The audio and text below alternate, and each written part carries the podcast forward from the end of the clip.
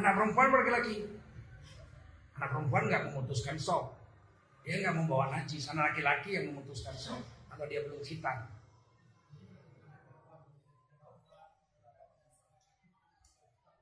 Boleh. Dianggap tiang. Anak perempuan sholat kita bawa dianggap tiang dia. Kayak kita batal wudhu lagi sholat buang angin. Kita duduk aja kita dianggap tiang. Jangan kita terjang orang sholat. Terjang orang sholat ini dia balik ini. Batal sholatnya nggak ngadap kiblat lagi ya. Kita mau lewat. Batal sholat orang gara-gara kita. Jadi gimana kalau kita sedang sholat buang angin? Duduk aja di tempat sholat itu. Biarkan orang selesai sholat. Kita duduk. Kita dianggap tiang. Selesai sholat kita duduk, kita sholat sendiri. Tetap dapat 27. Bukan kita terjang orang. Sholat saya di sini. Sop kedua, batal. Mau keluar nyamping sana. Dilewati semua orang sholat itu. Itu doa ke situ. Kenapa? Gak dapat nomor tujuh. Siapa bilang gak dapat nomor tujuh? Tapi situ dia butuh, dia sholat kan tadi. Dia tertinggal karena uzur.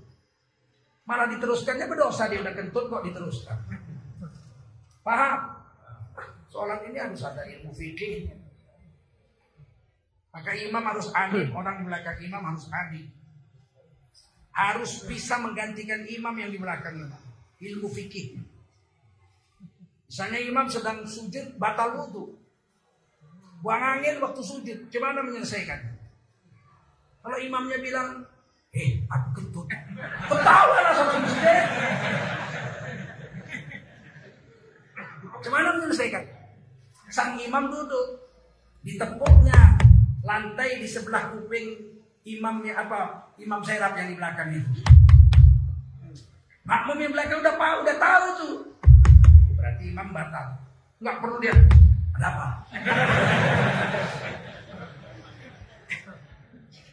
Begitu yang depan imam tepuk berarti imam batal. Yang di belakang itu langsung menggantikan takbir.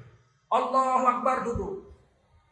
Allahu Akbar sujud lagi. Tetap aja di situ nggak bergerak. Allahu Akbar berdiri baru dia maju. Nggak perlu dia waktu sujud geser Macam jangkrik gitu. Kalau kita makmum Ustaz kan ada tuh yang lari keluar. Jalan ke depan, maju ke depan ke depan nanti kita berdiri. Kita maju ke depan tapi angsur-angsur. Selangkah-selangkah. Selangkah, selangkah kanan kiri berhenti. Udah berapa? Udah ruku, maju lagi selangkah gitu. Jadi nggak berturut tutup tutup batal lebih dari tiga kali gerak besar batal. Kalau kita mau maju stop ke depan kosong, kita maju satu langkah, dua langkah berhenti. Udah ruku diri, maju lagi satu langkah, dua langkah sapi. Gitu. Jadi anak perempuan boleh dibawa selama dia nggak bawa najis. Kalau anak laki-laki motong soft karena dia bawa najis di kulitnya itu. Jadi kalau anak laki-laki belum sunat, kita sholat di pijaknya kita atau naik dia ke punggung kita batal sholat kita karena kita menanggung najis. Paham? Ada nggak najisnya di kulitnya? Biar dua tetes tiga tetes, karena dia belum khitan. Nah, dia menanggung najis. Kalau menanggung najis, naik ke badan kita, kita jadi ikut menanggung najis batal. Sama dengan orang bungkus kain di plastik dikantonginya. Sholat dia sah nggak? Sah nggak? Nggak sah kenapa? Karena dia menanggung najis. Dia nggak kena najis juga. Dia tidak minta najis, nggak kena najis. Najisnya itu dibungkus cantik-cantik. Mau dibawanya ke laboratorium. Sholat dia sah nggak? Karena menanggung najis sama dengan anak laki-laki yang kulu belum khitan dia menanggung najis. Kalau dia kita bawa ke masjid, injaknya kaki kita atau kita sedang sujud, dia naik, namanya anak-anak. Batal sholat kita. Kalau ingus Ustaz sedang ingus Ustaz, tidak. Ingus kan tidak najis. Ingus tidak najis. Terus ada orang menghujah saya. Nabi ketika sholat Sayyidina Hasan Hussein naik ke punggungnya. Dan Nabi tetap aja menahan diri sampai Hasan Hussein pergi, Sayyidina Hasan Hussein anhu pergi. Terus Nabi berdiri dan melanjutkan sholatnya. Ternyata Nabi gak batal sholatnya. Dinaiki Hasan Hussein anhu. Iyalah, Sayyidina Hasan khitan umur 8 hari. Umur tujuh hari sudah khitan Sayyidina Hasan Husain. Anak kita umur 17 baru sunnah. Jangan disamakan. Kita mempelajari hadis itu, mengambil hukum dari hadis. Kalau kita bukan ahli hadis, pasti sesat kita. Pasti sesat. Makanya kalau ngambil hukum walaupun kita tahu hadis, ikut dari kitab. Hadis itu ditulis nggak sama Imam Syafi'i? Ditulis atau enggak sama Imam Hambali? Bagaimana Imam Hambali atau Imam Syafi'i memahamkan hadis itu? Baru kita ngikut. Jangan sok-sokan. Ada hadis. Kunna kami mengganti puasa yang tinggal. Siti Aisyah, qalat Aisyah. Berkata Siti Aisyah, kami mengganti puasa yang tinggal, tapi kami tidak mengganti sholat yang tidak. Nah, ini diambil hukum tanpa melihat keterangan hadis itu dari kitab Majmu misalnya Imam Nawawi. Dia bilang apa? Kalau tinggal puasa ganti, kalau tinggal sholat nggak perlu ganti. Iya. Itu yang mengatakan itu Aisyah radhiallahu perempuan, betul? Mungkinkah Siti Aisyah meninggalkan puasa karena malas? Mungkinkah Siti Aisyah meninggalkan sholat karena malas? Kalau gitu kenapa Siti Aisyah meninggalkan sholat dan puasa? Karena hak. Puasa yang tinggal karena haid diganti. Puasa sholat yang tinggal karena haid tidak di. Begitu maksud hadis itu. Bukan maksudnya sholat tinggal nggak usah ganti. Puasa tinggal ganti. Iya. Sedangkan puasa jadi ganti apalagi sholat. Sholat tiang. Sekarang saya tidur. Jam 4 pagi. Bangun-bangun jam 10. Saya sholat subuh nggak? Jam berapa? Jam 10. Sholat subuh apa ganti sholat namanya? Kotor karena sudah di luar waktunya. Sesuatu yang di luar waktu namanya kotoran. Sholat subuh jam 10 boleh? Nggak boleh. Tapi dia boleh karena dia ngerti tertidur. Niatnya apa? Sholat subuh tunai atau kodok? Kodok orang di luar waktu kok. Saya puasa Ramadan. Ah, Tiba-tiba saya batal. Puasa satu hari. Kapan gantinya? Di bulan Ramadan atau di luar Ramadan? Mana bisa dalam Ramadan mesti di luar. Kalau sudah melakukan pekerjaan di luar waktunya, bahasa Arabnya doa. Dan hadisnya Bukhari Muslim. Tiga kali Rasulullah mengkodok sholat.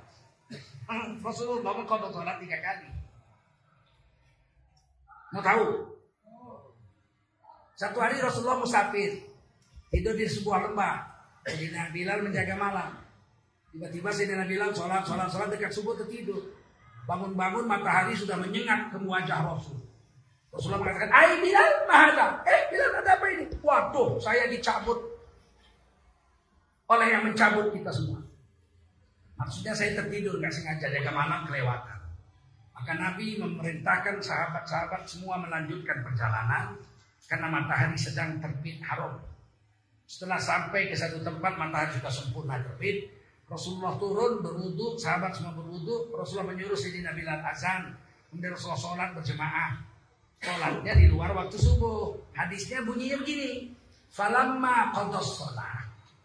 Hadis Bukhari Muslim ini. Setelah Rasulullah mengkodok, pakai kodok istilah. Falamma qadas sholat. Setelah Nabi mengkodok sholatnya, Faqala Rasulullah SAW, Nabi bersabda, Man nasiya ankum anis sholat, aw raqada ankum anis sholat, falyusalliha idza dzakaraha la kafarata laha illa dzalik. Fa inna Allah yaqulu aqimi sholata li dzikri. Siapa yang lalai sholat atau lupa, Nabi nggak lupa, nggak lalai, tertidur. Sedangkan tertidur ganti apalagi lalai sampai lu Manasia lupa, aurokoda tertidur, apa namanya? Dari sholatnya. Maka wajiblah dia mengkodok sholatnya yang dilalaikannya atau dilupakannya itu dan tidak ada denda selain itu. Kalau sholat subuh rakaat bayarnya dalam subuh rakaat. Boleh bayarnya waktu asar, boleh waktu maghrib, boleh pokoknya kerjakan saja.